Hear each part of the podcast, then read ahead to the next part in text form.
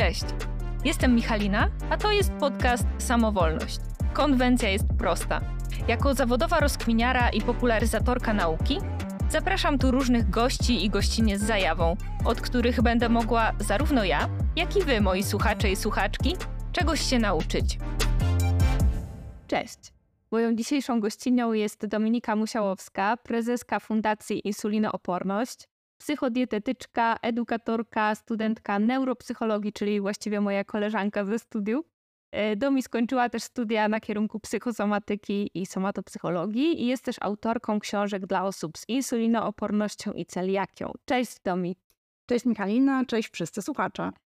Na początek chciałabym Ci zadać trzy um, niełatwe pytania, które zawsze na początku zadaję moim gościom i gościniom, a brzmią one: kim jesteś, czego byś chciała i co jest dla Ciebie najważniejsze. Kim jestem? Poza tym, jak ładnie mnie przedstawiłaś i powiedziałaś bardzo dużo informacji na mój temat, dodam, że jestem mamą dwóch e, przecudownych dziewczynek. E, poza tym e, jestem autorką książek, tak jak mówiłaś, ale z ADHD i spektrum autyzmu. Dodatkowo jestem pacjentką też z innymi schorzeniami, jak chociażby celiakią i chorobą Hashimoto, więc w swojej psychodietetycznej pracy i pracy y, prezeski fundacji pomagam też pacjentom, jakby pokazując punkt widzenia typowo pacjencki. Super. A czego byś chciała? Czego bym chciała? Poza tym, że pokoju na świecie, y, to, to przede wszystkim bym chciała, żeby e, na co dzień każdy z nas e, zupełnie podchodził do swojego zdrowia psychicznego jako do czegoś e, priorytetowego, tak jak do zdrowia fizycznego. E, żebyśmy zwracali uwagę na to, że to, co dzieje się z naszym ciałem, ma stan na nasz stan psychiczny i, i że nasze zdrowie psychiczne tak samo ma wpływ na nasze ciało e, od strony fizycznej. Więc to jest takie moje marzenie, żebyśmy nie rozdzielali zdrowia psychicznego od fizycznego, tylko żeby traktować siebie jako całość. Dokładnie. Nie ma zdrowia fizycznego bez zdrowia psychicznego i odwrotnie. A co jest dla ciebie najważniejsze? Moje dzieci. Super. To pozdrawiamy dziewczynki. Pozdrawiamy Oliwkę i Emilkę. E, temat, na który chciałabym dzisiaj z Tobą porozmawiać, jak już wiesz, to są zaburzenia odżywiania. Czyli zaburzenia, które dotyczą zarówno naszej relacji z jedzeniem, czyli takiej czynności fizjologicznej, która jest nam absolutnie niezbędna do przeżycia, no jak i relacji z własnym ciałem. E, I oprócz tego, że zajmujesz się tym tematem właśnie na co dzień jako specjalistka, pomagasz osobom, które się mierzą z tymi zaburzeniami, e, to jesteś też osobą, która przechodziła nie tak dawno właściwie przez podobne trudności. I czy chciałabyś coś więcej o tym opowiedzieć? Czy nie tak dawno e, to bym polemizowała, bo tak jak przeliczyłam ostatnio, to było 17 lat temu, mhm. E, więc, więc troszeczkę kawał czasu, ale tak, e, mam doświadczenia z zaburzeniami odżywiania. Jako nastolatka przeszłam przez trochę różnych diagnoz, przez anoreksję, bulimię, kompulsyjne obiadanie się, ortoreksję, czy chociażby niezdrową relację z jedzeniem. Mm, no i fakt, trwało to kilka lat, zanim zrozumiałam, czym e, jest zdrowa relacja z jedzeniem i wyszłam z tego wszystkiego. Natomiast też wiem, że było to w jakiś sposób powiązane z brakiem innych diagnoz, jak chociażby ADHD. Okej. Okay. E, I chciałabym też opowiedzieć, jakby mhm. gadać, może nie opowiedzieć, ale pogadać o takim stereotypowym obrazie, e, mhm. jaki pewnie każdy z, większość z nas ma przed oczami, kiedy mowa o osobie z zaburzeniami odżywiania. E, czyli najczęściej jest to młoda, szczupła kobieta, e, mhm. która mimo tej swojej szczupłości postrzega swoje ciało mm, nad wyraz krytycznie, e, wręcz z taką nienawiścią do swojego ciała patrzy w lustro i mhm. przez głodzenie się, takie wręcz ekstremalne głodzenie, doprowadza do równie ekstremalnego chudnięcia. Jest to oczywiście jedna z możliwości obrazu takiego pacjenta, pacjentki, ale istnieje cała paleta zaburzeń odżywiania. E, jest ona dużo bardziej różnorodna niż nam się wydaje. I właśnie o to chciałam Cię zapytać, czyli co właściwie możemy wrzucić do worka zaburzeń odżywiania? Jakie to są zaburzenia i też o jakiej genezie? Tak naprawdę każdą niezdrową relację z jedzeniem, każde zachowanie, które negatywnie wpływa na nasze życie, zdrowie, relacje społeczne, możemy zaliczyć do zaburzeń odżywiania. Natomiast Oczywiście mamy, jak ja to mówię czasami, najbardziej popularne e, zaburzenia odżywiania, czyli takie, które e, są znane i które są uwzględniane w klasyfikacjach. E, I zarówno DSM-5, jak i ICD-10 i nowe ICD-11, która weszła. Ale niektóre zaburzenia odżywiania jakby też nie są uwzględnione w tych klasyfikacjach, więc wrzucała je do tak zwanego worka inne zaburzenia niesklasyfikowane czy nieokreślone. No i tego jest znacznie więcej. W tych określonych mamy oczywiście anoreksję, bulimię, e, mamy kompulsyjne obiadanie się, e, mamy ARFID, czyli, czyli zaburzenie e, jedzenia polegające na wybiórczości żywieniowej, ograniczaniu jedzenia, czy mamy na przykład PIKA, czyli, czyli też zaburzenie odżywiania, które polega na jedzeniu rzeczy niejadalnych, jak tynk ze ścian, czy, czy drewno podłogowe, czy, czy no różne naprawdę substancje. No i jest to wbrew pozorom bardzo częste zaburzenie, no jest ma osobną kategorię w klasyfikacjach ICD-11, 10 i DSM-5. Mhm. No i oczywiście plus e, są inne zaburzenia, których w tych klasyfikacjach nie ma, ale, ale one na co dzień funkcjonują. I tutaj mamy chociażby bigoreksję, ortoreksję, diabulimię, nocne obiadanie się, e, czy mamy alkoreksję. No tego mogła... powstaje też jest bardzo dużo. Mhm. A mogłabyś wyjaśnić tak dosłownie w jednym zdaniu, czym się charakteryzują te poszczególne mhm. E, jednostki? tak na, znaczy, patrząc po kolei, e, anoreksja myślę, że jest w większości znaną chorobą i tutaj te skojarzenia są raczej prawidłowe, czyli są to osoby, które dążą do szczupłej sylwetki, odchudzają się, ograniczają jedzenie, dodatkowo e, stosują też różne zachowania, które mają na celu przyspieszyć, tak jak intensywne treningi czy środki przeczyszczające. Ale też jest anoreksja, która ma jakby dwie kategorie są anoreksji. Jedna to jest ograniczające jedzenie, i druga anoreksja e, to jest napadami obiadania się, e, dążąc do wymiotu, prowokując wymioty i dążąc tak czy siak do szczupłej sylwetki. No i tutaj BMI, faktycznie ta masa ciała e, jest niska i żeby zdiagnozować, no to, no to to BMI musi być niewystarczające. W bulimii natomiast jest inaczej, bo masa ciała może być prawidłowa, może być też tak, że pojawia się, że jest nadwaga, bo tutaj zachowania polegają na obiadaniu się, ale to nie jest takie obiadanie się, jak idziemy na urodziny do kogoś, zjemy tutaj więcej tortu i zjemy obiad i czujemy się pełni, tylko to jest jedzenie niewyobrażalnie dużych ilości jedzenia w krótkim czasie. To jest tak, że na przykład w ciągu godziny czy dwóch godzin taka osoba potrafi zjeść naprawdę czasami 10 tysięcy kilokalorii, dwie torby jedzenia. To są naprawdę ogromne ilości, w krótkim czasie jedzone bardzo szybko. No i oczywiście prowokowane są później wymioty czy zastosowane środki przeczyszczające. Które ma, czyli nie ma tego aspektu przyjemności jedzenia, tylko jest takie wmuszanie w siebie, tak. emocjonalne bardzo, dużych ilości jedzenia i potem następują, następuje poczucie winy, prawda? Tak, dokładnie. To jest e, często takie osoby określają, że nie, są, nie były świadome nawet tego, co się działo w czasie takiego ataku. To jest jakby poza czasami naszym wyobrażeniem, poza naszym umysłem. E, to jest taki stan totalnego braku kontroli. E, właśnie, to też jest jeden z elementów bulimii, to jest utrata kontroli, to jest coś, czego nie możemy przerwać, przestać. I to jest potrzebne po to, żeby później, prowokując wymioty czy przeczyszczając się, poczuć tą ulgę. Jakby to wynika też z napięcia, które, które się pojawia u takich osób, które prowadzą, prowadzi do tych napadów obiadania się i, i faktycznie ta ulga potem przynosi, tak, znaczy to jest ulga oczywiście emocjonalna, psychiczna, bo problemy zdrowotne y, i dolegliwości trwają potem przez kilka dni. To są oczywiście problemy z przewodem pokarmowym i tak dalej. No i jest ta nienawiść do siebie, jest ciągłe obiecywanie sobie, że już nigdy więcej, że znowu jestem tak gruba, że znowu nie udało mi się i też warto podkreślić, że w bulimii też celem jest redukcja masy ciała. I tutaj też takie osoby chcą, e, dążą do tego, żeby ta sylwetka była jak najmniejsza, jak najszczuplejsza. Mhm, mhm. A jeszcze wspomniałaś o ortoreksji. Myślę, że tutaj też warto wyjaśnić, czym się ona charakteryzuje. Tak, ortoreksja nie ma osobnej e, kategorii w klasyfikacjach, natomiast jest zaburzeniem bardzo powszechnym i coraz bardziej powszechniejszym i faktycznie badań jest również bardzo dużo obecnie na ten temat. Jest to mm, tak naprawdę mm, ciężko określić, czy jest podobna, czy, czy jest podobnym zaburzeniem do anoreksji, czy E, czy jest zupełnie odrębną jakby jednostką. E, natomiast przede wszystkim w ortoreksji chodzi o to, że e, taka osoba skupia się na zdrowym odżywianiu. Niby by się wydawało, że nic w tym złego, fajnie się zdrowo odżywiać i my też zresztą zachęcamy do zmiany nawyków na zdrowe. Natomiast problem pojawia się wtedy, kiedy e, zamienia się to w obsesję. E, I takie osoby potrafią najpierw e, z pozoru dbania o zdrowie, dbania, e, nie wiem, czy właśnie strachu przed jakimiś alergiami, czy z powodów zdrowotnych. Tutaj też czasami hipochondria się łączy z tym, czyli szukanie na siłę chorób, których fizycznie nie ma albo, albo są tylko subiektywnie odczuwane, a, a nie ma potwierdzenia w wynikach badań. No i zaczyna się takie stopniowe ograniczanie, że najpierw wyeliminuje słodycze i niezdrowe tam jakieś produkty typu fast foody czy słodkie napoje.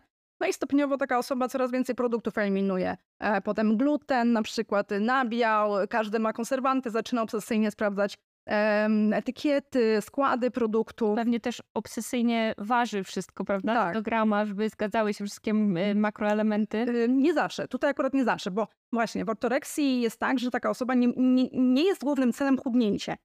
E, więc jakby ważenie i, i mierzenie tego wszystkiego nie zawsze ma miejsce. Faktycznie czasami jest tak, że jeżeli zależy jej na tym, żeby na przykład dostarczyć sobie odpowiedniej ilości białka, żeby uzupełnić, nie wiem, WAP przykładowo, żeby spełnić, no to wtedy tak ale nie jest y, to po to, żeby e, liczyć kalorie. E, przede wszystkim chodzi o to, żeby zadbać o zdrowie, żeby być jak najbardziej e, tutaj, mieć dietę uzupełniającą wszystkie możliwe zdrowe witaminy, ale z drugiej strony ograniczanie tego, co niezdrowe. No i z czasem wszystko się robi niezdrowe, bo okazuje się, że każde produkty, warzywa, owoce, no te są pryskane, tam pryskane, no to tych też lepiej nie jeść, a te są hodowane gdzieś tam. I z czasem dochodzi już do, no, do chociażby do spadku masy ciała, do niedoborów pokarmowych i, i niesie to kolejne jakieś tam konsekwencje z powodu chociażby um, ograniczenia zbyt dużej ilości potencjalnie niezdrowych produktów. Mhm, czyli paradoksalnie dbając o zdrowie nadmiernie możemy się wpędzić łatwo w zaburzenie. Tak, dokładnie, dokładnie. I też um, często e, w badaniach powtarza się taki schemat, że osoby e, chorujące na ortoreksję, które zaczynają tak obsesyjnie mm, ograniczać różne produkty, patrzeć na zdrowie, e, z czasem jakaś ich część e, na anoreksję zaczyna chorować, że, że jest to jakiś taki też czasami etap przejściowy, a czasami osoby z, z anoreksją też gdzieś tam ta ortoreksja się zaczyna przewijać, jak na przykład wychodzą z choroby, leczą anoreksję, ale gdzieś te zaburzenia cały czas się przyplatają i otoczenie zaczyna się cieszyć, że fajnie, już wychodzi z anoreksji, wyszła, zdrowo się odżywia, a okazuje się, że to nadal jest a to zachowanie e, szkodliwe e, związane z zaburzeniami odżywiania. Mhm. E, wcześniej wspomniałam o jedzeniu jako o czymś fizjologicznym i o jego funkcji odżywczej, która jest nam niezbędna do przeżycia, ale jedzenie pełni też inne funkcje, czyli społeczne, kulturowe, dawanie po prostu przyjemności, regulacji emocji czy radzenia sobie ze stresem. I wiele osób właśnie poprzez jedzenie określonych produktów pomaga sobie na przykład w sytuacjach stresowych. E, kobiety na przykład przed okresem jedzą e, często dużo, duże ilości czekolady, albo e, kiedy mamy doła, no to często sięgamy właśnie po takie junk foodowe przekąski, zajadamy stres. I czy takie zachowania mogą prowadzić do zaburzeń odżywiania? Znaczy już można powiedzieć, że to jest zachowanie, które e, odbiega od zdrowej relacji z jedzeniem, bo jedzenie przede wszystkim ma pełnić funkcję fizjologiczną. Bez jedzenia nie jesteśmy w stanie przeżyć. Musimy jeść, musimy spać, musimy skorzystać z toalety i są to jakby rzeczy, które są niezbędne. Natomiast oczywiście jedzenie ma też walor kulturowy, społeczny, e, jemy też dla przyjemności, chociażby, nie wiem, pieczymy ulubione ciasto i sprawia nam to przyjemność i nie ma w tym nic e, niezdrowego ale faktycznie, jeżeli takie zachowanie typu za każdym razem, jak mam okres, to obiadam się czekoladą, albo za każdym razem, jak się stresuję, to idę do sklepu po kolejną e, paczkę żelków i, i też zajadam i to poprawia mi humor, no to to już jest niezdrowa relacja jakby chociażby z samym sobą, a brak umiejętności radzenia sobie ze stresem, co też jakby już stanowi pewien problem. Jedzenie nie powinno być zaspokajaczem różnych emocji, niezależnie czy to jest smutek, czy poprawa nastroju, czy nawet czasami są osoby, które właśnie przy pozytywnych emocjach e, szczególnie wtedy więcej jedzą, żeby poprawić sobie jeszcze bardziej nastrój. Albo właśnie czasami są takie schematy e, i to też się pojawia wśród moich pacjentów, że jest dobry humor, jest dobry nastrój, fajna atmosfera i to jest tak nienaturalne dla nich, że zaczynają się obiadać po to, żeby sobie dokopać i powiedzieć, znowu się obżarłam, jestem za gruba, jestem za głupia, bo to jest dla nich bardziej naturalne niż to, że jestem szczęśliwa, lubię siebie, fajnie spędziłam czas. Czyli problem pojawia się, jeżeli taka strategia radzenia sobie z emocjami jakimikolwiek staje się nawykiem. Tak. Bo jeśli to się zdarza czasami, to jest okej, okay, jest to fizjologiczne, ale jeżeli przeradza się to w nawyk, że co, yy, co dostaje okres, to idę po trzy tabliczki czekolady, czy tam całe kubełek lodów i zjadam je y, po prostu yy, kompulsywnie naraz. Jakby inaczej jest, jeżeli nam się to zdarzy i to jest wtedy okej. Okay. Tak, zdarzyć się może. Oczywiście każdemu może się zdarzyć. E, natomiast to jest tak, jak każdemu zdarzy się, na, się upić alkoholem przykładowo, co nie znaczy, że od razu jest alkoholikiem. E, I tak samo e, jest w przypadku jedzenia. No każdemu zdarzy się objeść, e, nie wiem, no wyjątkowo jakaś jest sytuacja, objedliśmy się, ale nie zdarza się to e, na co dzień regularnie i przez krótki okres czasu no to wtedy okej, okay. ale jeżeli faktycznie widać, że zwiększa się ta częstotliwość, e, pojawia się jakiś schemat, powtarzalność e, albo jakaś automatyczna reakcja, czy nawet e, potrzeba właśnie zjedzenia czegoś w konkretnej sytuacji i próba powstrzymania się, no bo właśnie, bo to też jest tak, że dajmy na to przy kompulsyjnym obiadaniu się, które też jest osobną jednostką w klasyfikacjach, bardzo często jest tak, że takie osoby próbują się przez długi czas powstrzymywać, przechodzą na dietę, bo chcą schudnąć, ale dochodzi do napadu obiadania się i, jakby nie da się tego już zatrzymać. No i później znowu jest próba odmawiania sobie, odchudzanie się, próba niejedzenia czegoś. No i to jest takie błędne koło, które jeszcze bardziej nasila te problemy z, z jedzeniem. Mhm. E, a jeszcze tak zatrzymajmy się przy tych różnych funkcjach jedzenia bo chciałam się ciebie zapytać, e, to jest myślę taki ważny temat, e, czym właściwie różni się głód od zachcianki? To jest dobre pytanie. E, tutaj mówimy też i o, o głodzie emocjonalnym, i o głodzie fizjologicznym. E, głód, czyli taka typowo fizjologiczna reakcja naszego organizmu wywołana tym, że nie zjedliśmy i organizm się po prostu domaga tego jedzenia, no to przede wszystkim czujemy z ciała, czy burczenie w brzuchu, czasami może się zrobić nam y, troszkę słabo, niektórym się robi niedobrze, jak są głodni. Albo boli głowa. Albo boli nie? głowa, tak. Czasami to jest też y, objaw spadku cukru, który się pojawia, jeżeli za długo nie jedliśmy czegoś. Y, no to są ewidentnie bardziej takie typowe y, reakcje z brzucha, jak ja to nazywam, burczenie i czujemy ucisk też w okolicach żołądka no to jest reakcja e, na głód fizjologiczny. No ale jest jeszcze zachcianka, e, ja to nazywam bardziej głodem emocjonalnym. E, I ona się pojawia niezależnie od jedzonego posiłku. Tutaj nie czujemy tak bardzo tych reakcji z ciała, tak jak burczenie w brzuchu, ale jest to mm, coś takiego, co zwiększa naszą potrzebę zjedzenia. Kiedy zaczynamy myśleć o jakichś produktach, wręcz obsesyjnie czasami, kiedy czujemy, że jakby to jedzenie wpływa na stan naszych emocji, czy pozytywnie, czy negatywnie, to nie ma znaczenia, ale że jest od tego e, zależne, czy że jeżeli nie zjemy konkretnie danej rzeczy, dajmy na to słodyczy w tej chwili, no to nasze emocje osiągną jakiś stan e, niewyobrażalnie niekomfortowy. E, I tutaj przede wszystkim to, czym można to rozróżnić, no to po zjedzeniu posiłku, jeżeli jesteśmy głodni po prostu, czujemy burczenie w brzuchu, no to czujemy sytość. A w przypadku głodu emocjonalnego my często tej sytości nie czujemy, albo właśnie nawet jeżeli czujemy, e, to niezależnie od tych fizycznych objawów, my cały czas mamy potrzebę jeść, na przykład. Mhm. Zdarza się tak, że obsesyjnie myślimy o jedzeniu. Niektóre osoby mówią, że jedzenie im się śni. A, i, i, to siedzi w głowie cały czas. E, I na przykład zjedzenie czegoś innego nie zaspokoi tej potrzeby. Tutaj możemy potem też szczególnie rozpoznać tą różnicę. E, czyli jeżeli jesteśmy głodni, no to zjemy, dajmy na to kanapkę, czujemy, że okej, okay, zapełniliśmy brzuch i jest okej. Okay. A jeżeli mamy e, zachciankę, emocjonalnie potrzebujemy zjeść, dajmy na to drożdżówkę, bo mamy e, na tym punkcie teraz totalną fiksację, no jeżeli zjemy kanapkę, to nie zaspokoi to naszej potrzeby. Warto w takim razie na przykład mamy, zobaczyliśmy drożdżówkę gdzieś tam na wystawie i sobie myślimy, kurczę, ale bym zjadła tą drożdżówkę, taką mam na nią ochotę, no ale z tyłu głowy mam takie, kurczę, no ale w sumie czy ta drożdżówka jest mi potrzebna do szczęścia, no to jest tyle kalorii, ja jednak teraz jestem na redukcji, wolę ograniczać te kalorie, no i robię sobie taki rachunek sumienia i mówię, no dobra, no to wolę sobie na przykład zjeść ogórka zamiast tej drożdżówki. I czy to jest okej, okay, jeżeli mamy taką dużą zachciankę na tą drożdżówkę, czy może lepiej zjeść od czasu do czasu tą drożdżówkę i się nie zadręczać tymi wyrzutami sumienia? Wiadomo, że to zależy od przypadku, ale jakie jest twoje zdanie? To znaczy tak, wszystko ma swoje pewne granice. To, że idziemy i patrzymy, o, dobra drożdżówka i okej, okay, zjadłabym, ale może nie będę się zapychać pustymi kaloriami, więc zjem kanapkę. No okej, okay, no to jest akurat y, fajne i dobre wybieranie, podejmowanie jakichś tam decyzji żywieniowych i kształtowanie nawyków yy, zdrowotnych.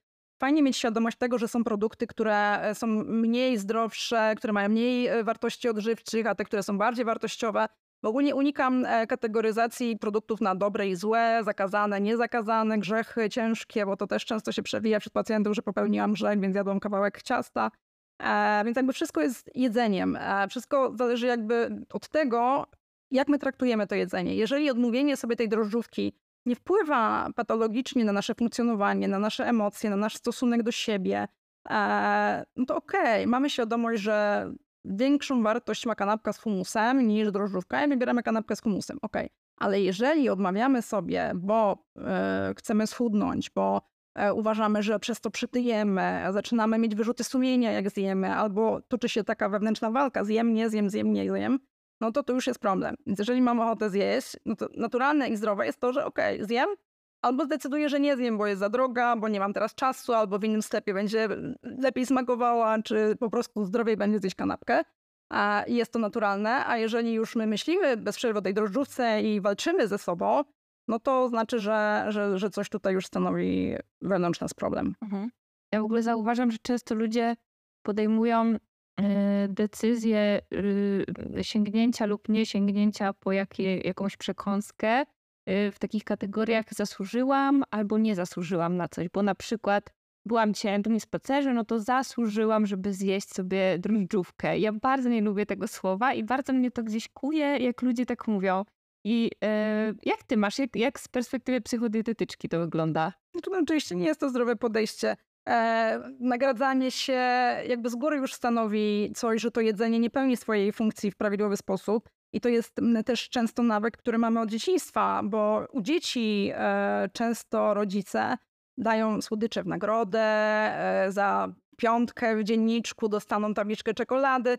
I my się uczymy takiego nawyku, że jedzenie jest nagrodą, że szczególnie to smakowite jedzenie, czyli słodycze, lody, czy, czy nie wiem, no jakieś tam dodatki zdro mniej zdrowszych produktów, więc uczymy się rozdzielania produktów na lepsze, gorsze, zdrowe, niezdrowe i te, które są nagrodą. I zobaczcie, rzadko kiedy w prezencie za piątkę dziecko dostaje pomidora albo ogórka. No raczej nie spotkałam się z tym w swoim życiu. Tak, i w ogóle takie celebracje, nie? No przecież jak siadamy przy stole, są czyjeś urodziny, no to zawsze się stawia ten tort. No dokładnie, jest tort, jest czas, to jest masa słodyczy. No rzadko kiedy ktoś na urodziny dostaje y, tort, z ogórków czy pomidorów i, i zupy y, jakiejś tam dobrej warzywnej, biały krem z warzyw na przykład. No więc jakby z góry nam się od dziecka kształtują te nawyki, że, że to jest jakaś nagroda i my czasami zupełnie nieświadomie zostawiamy sobie ten nawyk i okazuje się, i a, to jest swoją drogą też jedna z przyczyn, dlaczego diety powodują efekt jojo i czemu się nie udają. No bo skoro dwa tygodnie już wytrzymałam na restrykcyjnej diecie, no to nagrodzę się za to. I już teraz jem sobie coś słodkiego, no co zaczyna się często napadem na jedzenie, bo po takiej przerwie niejedzenia i zabraniania sobie chcemy zjeść więcej. No i, i to są często takie nawyki z dzieciństwa, które powodują teraz, tu i teraz zaburzenia odżywiania i to jak byliśmy wychowani i też jaki stosunek do jedzenia miała nasza rodzina i osoby, które się nami opiekowały i, i ogólnie otoczenie, w którym przebywaliśmy. Mhm. Um, I tak, y, tak intuicyjnie y, kojarzę i pewnie pewnie większość z nas, że mm, no, zaburzenia odżywiania dotyczą w większości kobiet. E, I czy rzeczywiście w praktyce wygląda to tak, że kobiety chorują częściej na zaburzenia odżywiania niż mężczyźni? I jeśli tak, to dlaczego? I tak teraz nasunęło mi się stwierdzenie, właściwie ym, obserwacje. Yy, czy to nie jest taki case jak w depresji, że niby statystyki mówią nam, że kobiety częściej chorują na depresję, ale z drugiej strony statystyki mówią nam też inną rzecz, że mężczyźni częściej popełniają samobójstwa, czyli właściwie wniosek, jaki możemy wysnuć jest taki, że kobiety częściej sięgają po pomoc, proszą o pomoc, jeśli zauważają jakiś problem, a mężczyźni mniej się do tego problemu, do tych problemów y, przyznają. I no i właśnie, jak jest tutaj? Jest coś w tym, mm, co powiedziałaś. Natomiast jakby na ten moment znamy statystyki oczywiście statystyki mówią, że to kobiety chorują częściej, chociażby na anoreksję 90% przypadków to są kobiety. E, I fakt, w niektórych zaburzeniach odżywiania widać tą dysproporcję. W, w anoreksji faktycznie rzadziej się spotyka mężczyzn czy chłopców, bo tutaj chociażby wizualnie jesteśmy w stanie też pewne rzeczy zobaczyć. E, ale tu jest inna proporcja i faktycznie mężczyźni rzadko się zgłaszają po pomoc, ale też nie są świadomi, że niektóre ich zachowania są problematyczne. Na przykład dużo mężczyzn ma problemy z kompulsyjnym obiadaniem się. Faktycznie może rzadziej się spotyka mężczyzn, którzy wymiotują po posiłkach, czy którzy aż tak restrykcyjnie e, się odchudzają jak w anoreksji, ale kompulsyjne obiadanie się, zajadanie stresu, emocji naprawdę jest powszechne. Ja mam bardzo dużo pacjentów w postaci mężczyzn z tym problemem, którzy na początku nie są tego świadomi. Najczęściej chorują na otyłość, co jest też wynikiem tego zaburzenia odżywiania, czyli kompulsyjnego obiadania się czy jedzenia emocjonalnego i przychodzą do mnie, niech pani pomoże schudnąć, bo jestem otyły, bo żona kazała i tak dalej, a potem się okazuje, że ich zachowania żywieniowe i podejście do żywienia wynikają właśnie z pewnego zaburzenia i tego, jak ta relacja z jedzeniem wygląda i że jednak jest problem z tym żywieniem, że to, co robią, to, że nie mogą przestać jeść albo że automatycznie reagują w pewnych sytuacjach objadaniem się, czy, czy jedzą w ukryciu często, żeby żona czy koledzy w pracy nie zobaczyli, ile jedli, zjedli, więc no to wtedy często uświadamiam ich dopiero, że to stanowi faktycznie duży problem psychologiczny, no i wymaga zupełnie innej pracy, więc y, wtedy nagle nie pracujemy nad e, ich otyłością. Znaczy, pracujemy nad otyłością, ale e, właśnie pokazując tą niezdrową relację z jedzeniem, bo od tego wtedy musimy zupełnie zacząć, żeby wyjść e, z tego problemu. Mhm. No myślę, że kobiety też są mm, bardziej podatne na zaburzenia odżywiania mhm. z tego względu, że od dziecka jesteśmy uczone, że no, żeby zwracać dużą uwagę na to, jak wyglądamy, prawda? Jak kulturowo, kulturowo. Więc y, no, siłą rzeczy też częściej później y, u kobiet się zdarzają takie zaburzenia. Y, a jak wyłapać u siebie ten moment, że możemy mieć jakiś problem z naszą relacją, z jedzeniem i że potrzebujemy pomocy specjalisty? Są takie sygnały, które już powinny nam zapalić czerwoną lampkę. Po pierwsze, jeżeli wyraźnie widzimy, że jedzenie ma wpływ na nasze emocje, a nasze emocje na jedzenie. Czyli jeżeli, dajmy na to, jest stresująca sytuacja, czy jesteśmy smutni z jakiegoś powodu, czy wkurzeni e, i od razu naszą reakcją poprawy samopoczucia jest sięganie po jedzenie, to jest pierwszy sygnał. Drugą stronę oczywiście przy pozytywnych emocjach jest podobnie, tak jak podałam wcześniej przykład tego pogarszania sobie humoru jedzeniem, kiedy e, jesteśmy zbyt szczęśliwi, ale też niekoniecznie. To też chodzi o pewien nawyk, że jeżeli jestem szczęśliwa, super, no to wtedy e, sięgam po jedzenie i się obiadam. A to, to jest pierwszy sygnał. E, drugi sygnał jest taki, ile czasu ja myślę o jedzeniu i czym ono dla mnie jest. Jeżeli myślę dużo o jedzeniu, ale w kontekście takim, że chcę coś zjeść, ale odmawiam sobie i obwiniam siebie, mam poczucie winy, myślę ile czego zjeść, ile zważyć, e, nie wiem, ile kalorii coś ma. No to też pytanie, w którym momencie pojawia się niezdrowa obsesja, a kiedy to jest jeszcze taka zwykła, zdrowa, nazwijmy to, ciekawość, dbałość o, o pewne zdrowe zachowania żywieniowe czy nawyki żywieniowe. No ale tutaj ta granica jest bardzo cienka, bo bardzo łatwo przejść taką obsesję na punkcie liczenia kalorii, e, wyliczania makro przy każdym śniadaniu. No więc to jest też taki sygnał, żeby się przyjrzeć i zobaczyć, co to mi robi tak naprawdę tak w środku mnie.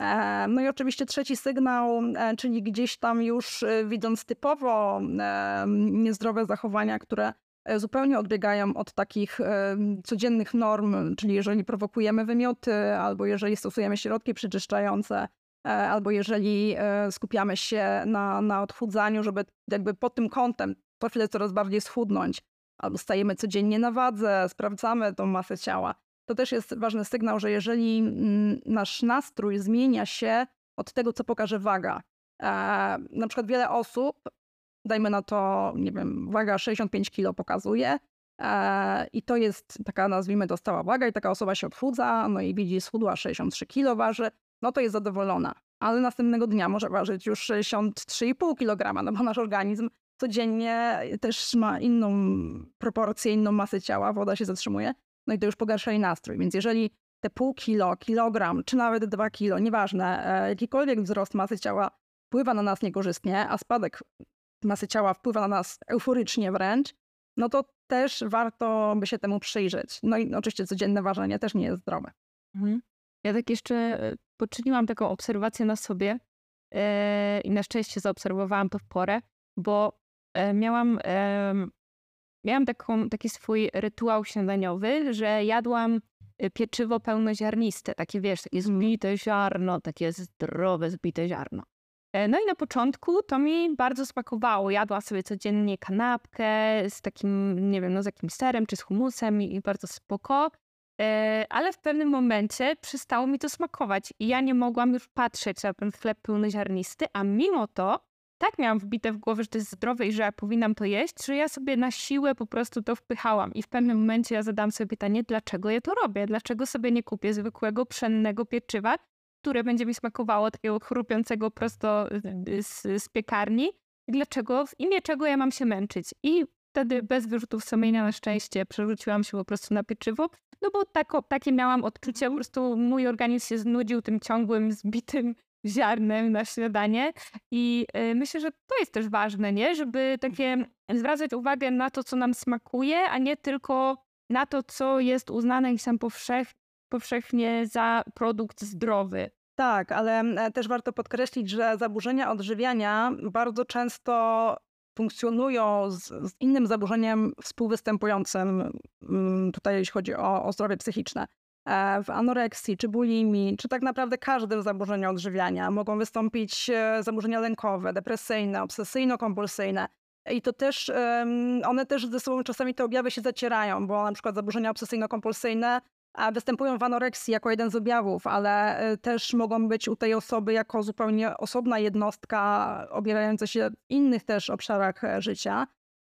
Więc tutaj też się to przejawia, że czasami my możemy mieć, dajmy na to, zaburzenia obsesyjno-kompulsyjne, czy tak jak spektrum autyzmu często to występuje. Mm, I to, że nie możesz zmienić swojego jedzenia, chociażby z tego pełnego ziarna na, na inne, może niekoniecznie wynikać z jakiejś obsesji na punkcie jedzenia czy niezdrowego podejścia do jedzenia, ale właśnie na przykład zaburzenia obsesyjno-kompulsyjnego, które tym momencie akurat jest e, głównym, główną przyczyną tego, dlaczego nie możesz tego zmienić, bo ta zmiana będzie sprawiać inny dyskomfort niż w zaburzeniach odżywiania. Nie, bo w zaburzeniach odżywiania będziesz się bała tego, że jak zmienisz to, nie wiem, zjesz niezdrowe pieczywo, czy że ono ma więcej kalorii, e, czy, czy że zburzysz e, swoją dietę idealną i zaczniesz się obwiniać. A w zaburzeniach obsesyjno-kompulsyjnych po prostu zwiększysz swoje napięcie, stres, lęk i zaburzenie takiego rytuału może po prostu wpędzić się w bardzo e, ciężkie emocje, stany emocjonalne, pełne napięcia. Mhm. Więc tutaj mamy jakby dwa różne y, obszary y, tematu. Okej, okay, okej. Okay. I na koniec chciałabym cię zapytać, Domi, e, mhm. co możemy zrobić na co dzień dla siebie, żeby mieć zdrową relację z jedzeniem? Przede wszystkim zaakceptować to, że mamy prawo do wszystkich emocji, jakie są, że emocje takie jak smutek, złość, strach, rozpacz, to są emocje zupełnie naturalne i przede wszystkim pobądźmy z nimi, przyjrzyjmy się im, nie, nie próbujmy na siłę ich chować, odpychać, e, czy, czy kamuflować, e, czy, czy gromadzić w sobie, żeby na siłę poprawiać sobie nastrój. A pobądźmy ze swoimi emocjami, spróbujmy spojrzeć też troszeczkę w głąb siebie i tego, Mm, z czym sobie radzę lepiej, z czym mam większe trudności, nie bać się prosić o pomoc, ale też zrozumieć, że jedzenie pełni określone funkcje i nie dzielić na zdrowe, niezdrowe, e, toksyczne i nietoksyczne, czy grzechy ciężkie i tak dalej. Ja zawsze swoim pacjentom powtarzam, e, żeby sobie wyobrazili, że jest worek, taki jak dla świętego Mikołaja przykładowo, i w tym worku mamy, e, na tym worku mamy naklejoną kartkę jedzenie. I w tym worku jest absolutnie wszystko, co jest zdolne do jedzenia. Oczywiście to, co nie jest trujące, czyli muchomorów tam nie wrzucamy, e, rzeczy totalnie niejadalnych nie wrzucamy, ale wrzucamy tam zarówno ryby, zarówno warzywa, jak i chipsy, e, Coca-Colę, wrzucamy tam też owoce pełnoziarniste, pieczywo z rośliny strączkowej, McDonalda, tak? Czyli wszystko mamy w jednym worku, bo to jest jedzenie. Natomiast to, co jest ważne, to, to w jakich proporcjach my będziemy z tego worka to jedzenie wyjmować. Więc nie ma dobre, niedobre, e, złe, zdrowe i tak dalej, tylko chodzi o pewne proporcje, bo jeżeli ktoś ogólnie je fajne, zdrowe produkty i odżywia się e, w miarę zdrowo, ale od czasu do czasu pójdzie do maka, pójdzie e, gdzieś tam na imprezę, wypije mm, powiedzmy jakiś tam napój gazowany z, z toną cukru, no to nie znaczy, że on się odżywia niezdrowo, bo patrząc w skali, dajmy na to miesiąca, 90% czy 80% jego żywienia jest bardzo fajne, zdrowe. Więc to, że on pójdzie raz na jakiś czas e, na pizzę czy gdzieś, nie wpłynie negatywnie na jego zdrowie w kontekście tego, że większość swojego stylu życia i żywienia ma ok. Myślę, że fajna jest to zasada 80 na 20. Dokładnie, nie? tak. 80 na 20, czasami zaczyna się 90, e, potem przechodzi się czasami 90 na 10, ale tak, ja jestem też fanką ogólnie tej zasady 80 na 20. E, I to się fajnie sprawdza. Mm, ale właśnie, jak są osoby, które w większych proporcjach wyciągają te mniej zdrowe produkty, i, i te zdrowe są e, rzadko spożywane, no to wtedy też już gdzieś ta proporcja jest zaburzona, ale to też z drugiej strony właśnie, też musimy patrzeć na ten komfort psychiczny w jedzeniu. Bo znowu, gdzie tu jest ta granica, żeby nie wpaść przy kształtowaniu zdrowych nawyków, mamy w obsesję. Ile ja w ciągu miesiąca zjadam zdrowych, a ile niezdrowych? No i teraz pytanie znowu, zdrowe, niezdrowe? No nie, no właśnie, to jest właśnie kwestia tego worka. Wszystko jest jedzeniem, wszystko w, w swoich granicach jest zdrowe tak naprawdę, albo nieszkodliwe chociażby. Zobaczcie, jeżeli byście zjedli jedli same warzywa, które są przecież zdrowe i mają mnóstwo warzy, witamin i, i składników potrzebnych dla prawidłowej pracy naszego organizmu, jeżeli byście jedli codziennie 10 kilo warzyw tylko, no to wierzcie mi, że wasze zdrowie by się też posypało i to konkretnie, bo organizm nie byłby w stanie przejeść tyle błonnika i tyle surowizny chociażby, no i niedobory innych składników. I tak samo, jeżeli byście się żywili tylko e, hamburgerami, frytkami i niczym innym, no to to też wiadomo zaszkodzi naszym tętnicom i naszemu sercu i e, wątrobie i wszystkiemu po kolei, więc proporcja, tak? Czyli jakby tymi pełnowartościowymi pokarmami też możemy sobie zaszkodzić, jeżeli będziemy jeść je w naprawdę ekstremalnym nadmiarze. Mhm. Super. A e, jednak to nie było ostatnie pytanie. Bo jeszcze na sam koniec taka tradycja mojego podcastu, czyli proszę yy, cię o trzy polecajki. O książkę, film i piosenkę. Ja, tak, miałam największy problem z książkami, bo mam ich tak dużo do polecenia, że przygotowałam cały stos e, i nie, nie, wiem, którą wybrać, ale dobra, to zacznę od piosenki e, i daję tę piosenkę, wytłumaczę tylko dlaczego. Bo jak ją odsłuchacie i włączycie, to nie wyjdzie wam z głowy i nie wiem czemu. To nie jest złośliwe z mojej strony, żeby nie było. E, to jest Lisek Łakomczuszek śpiewające brzdące. Piosenka moich dzieci, ale e, no nie wiem, ma taką pozytywną melodię, ale fakt, że problem jest taki, że potem ta melodia chodzi po głowie bez przerwy. No jest pozytywna, bardzo fajna. Z filmów polecam wam zdecydowanie Top Guna nowego, Mavericka i, i, i najlepiej na dobrym kinie domowym. A jeśli chodzi o książki, no to jeżeli chodzi o branżówki, o odżywianiu, jeżeli chcielibyście o zaburzeniach odżywiania się więcej dowiedzieć, no to zdecydowanie psychologia odżywiania się Jane Ogden i zaburzenia y, odżywiania profesor Anny Brytek-Matery. No ale mam też całą stertę innych fajnych książek, ale Michalina mi nie pozwolił pewnie tak dużo mówić. Nie, no możesz jeszcze kilka powiedzieć do mnie. Pozwala. Dobra, dobra, dobra, dobra, to słuchajcie. to może zaczynać. Ale nie, serio. E, więc tak, na pewno e, wam polecam moją ukochaną książkę, którą czytałam już miliard razy, to jest Zaburzony Umysł. Erika Kandela e, odnośnie zdrowia psychicznego mózgu jest przefantastyczna. E, ale też w kontekście zdrowia psychicznego polecam wam e, książki dla dzieci. I, I serio, bo czasami jest tak, że my sięgamy po jakieś poradniki skomplikowane czy podręczniki psychologiczne, a czasami takie najfajniejsze rzeczy i najprostsze są w książkach dla dzieci. E, ja swoim dzieciom e, czytam, czekajcie, bo muszę wziąć, bo tytułów nie pamiętam, ale dobra, nie powiem wszystkich, e, ale jest na przykład Martw się mnie, jak odnaleźć siłę, spokój, oswoić lęk, komiks dla dzieciaków naprawdę super, albo Smutek, którego nikt nie chciał, też o emocjach. I też to w takiej Michaliny bardziej klimacie oddechu i, i wszystkiego, to bardzo wam polecam. Jesteś kimś wyjątkowym. Są dwie części Martyny Brody i to są takie bajki dla dzieci relaksujące, gdzie e, można troszkę mindfulness też poćwiczyć. A no, więc to takie jest mega spoko. Super, dziękuję Ci za polecajki, Domi. E, no i cóż, i kończymy naszą dzisiejszą rozmowę. Ja Ci bardzo dziękuję, Dominika, za mnóstwo ciekawych informacji, jakie tutaj powiedziałaś. I cóż, i, i mam nadzieję, że każdy z nas gdzieś tam po tej rozmowie y, być może poczyni jakąś autorefleksję e, na temat y, swojej własnej relacji z jedzeniem, na temat słuchania sygnałów ze swojego ciała, ufaniu tym sygnałom i, i cóż, i mam nadzieję, że, że, ma, że Wam się podobało. Też mam taką nadzieję i właśnie przyszło mi do głowy jeszcze mnóstwo innych fajnych, ciekawych rzeczy. O, ale już brakuje czasu. Ale jak masz jakąś ciekawostkę, to, to śmiało. Nie, przypomniało mi się jeszcze tak e, na koniec, już było piękne zakończenie, ale jeszcze jedna taka uwaga mi się przypomniała, myślę, że ważna, żebyście e, też patrzyli na zaburzenia odżywiania, czy, czy swoje, czy w swoim otoczeniu, jeżeli widzicie kogoś, kto się z tym zmaga, mm, troszeczkę szerzej, bo właśnie czasami e, te zaburzenia odżywiania pojawiają się w innych zaburzeniach i psychicznych, ale też somatycznych. A, I warto też czasami wykonać badania kontrolne, bo może się okazać, i to bardzo często też się zdarza, że dajmy na to u kogoś kompulsyjne obiadanie się wynika a, z hipoglikemii mhm. e, reaktywnej, czy nawet z cukrzycy, gdzie ta hipoglikemia występuje. Tak. E, czasami przy niedoczynności tarczycy pojawiają się problemy e, też z kontrolą e, apetytu, e, czy, czy przy innych e, takich schorzeniach, też przy neurologicznych możemy zauważyć też pewne reakcje na jedzenie, więc warto na to z tej strony spojrzeć. A drugie, że czasami pewne zaburzenia psychiczne są maskowane innymi, na przykład depresji. Bardzo często występuje spadek apetytu, ale też czasami nadmierny apetyt. I nie jest to stricte jakby główną przyczyną zaburzenia odżywiania, ale główną chorobą w tym przypadku jest depresja. I leczenie depresji będzie miało wpływ na y, poprawienie tej relacji z jedzeniem.